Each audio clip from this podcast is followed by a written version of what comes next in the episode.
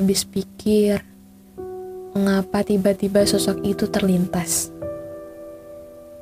Bibirku tertarik ke atas, membentuk senyuman di kala otakku tengah kosong.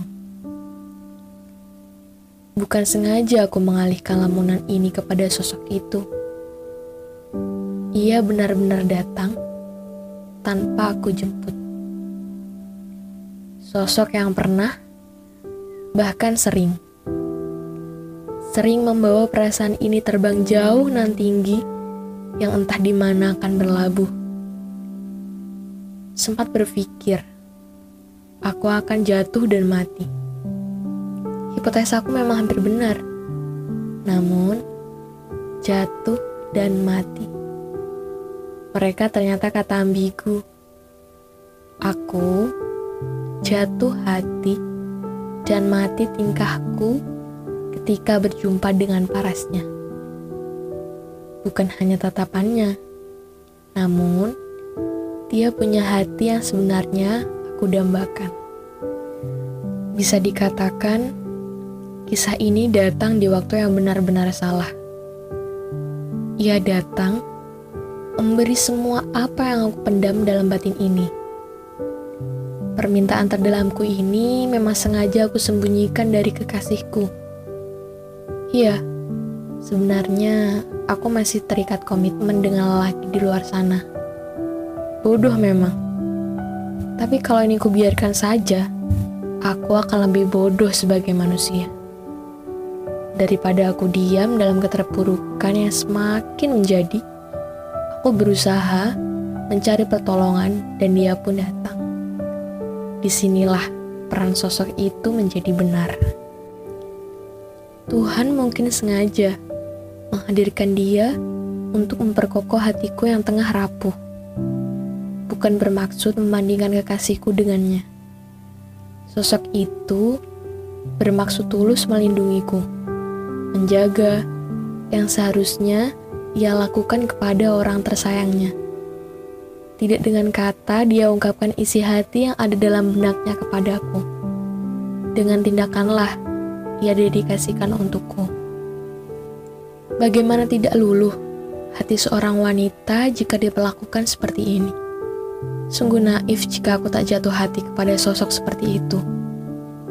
Maaf, aku hianat akan komitmen yang telah aku miliki. Tapi aku tak bisa mentolerir akan sikap, sifat, dan lain-lain mengenai seseorang yang pernah berkomitmen denganku. Baiklah, Aku sangat rela mengakhiri komitmen itu. Beralihlah si pemilik hati ini kepada sosok itu.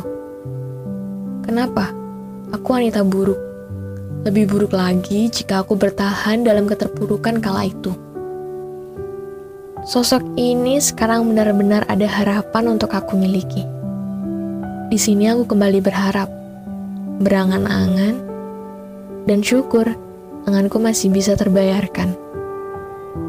Jarak yang dulu sempat terlibat dalam perjumpaan kita, tapi sekarang ia sering datang. Tingkahnya tak ada yang berubah, malah lambat laun dengan berjalannya waktu, ia memberikan perhatian yang sangat lebih padaku.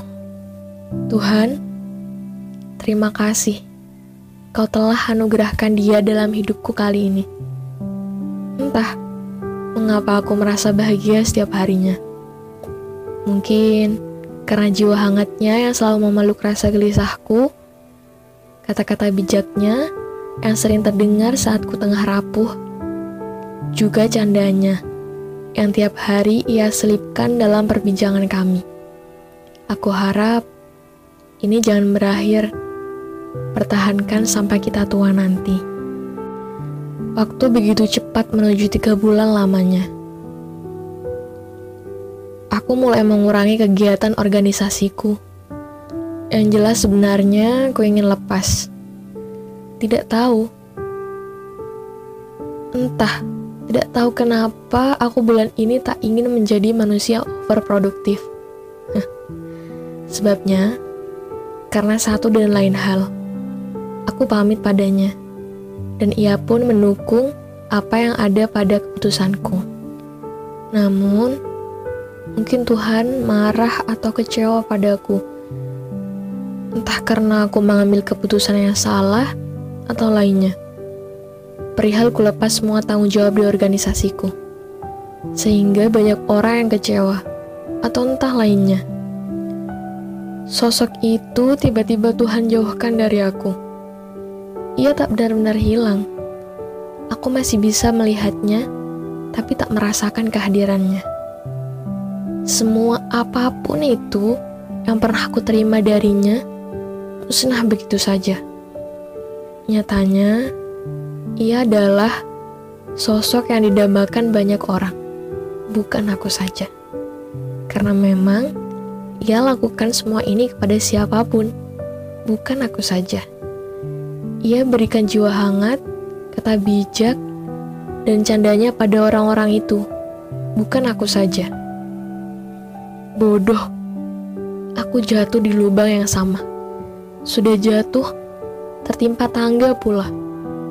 Kasihan hatiku, terbawa perasaan di arah tujuan yang salah.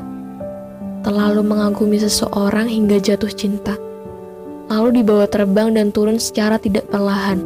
Kemudian diempaskan. Tepat jatuh di lubang yang dulu aku pernah tenggelam di sana. Terima kasih Tazar, sudah lakukan ini semua hatiku ternyata salah paham.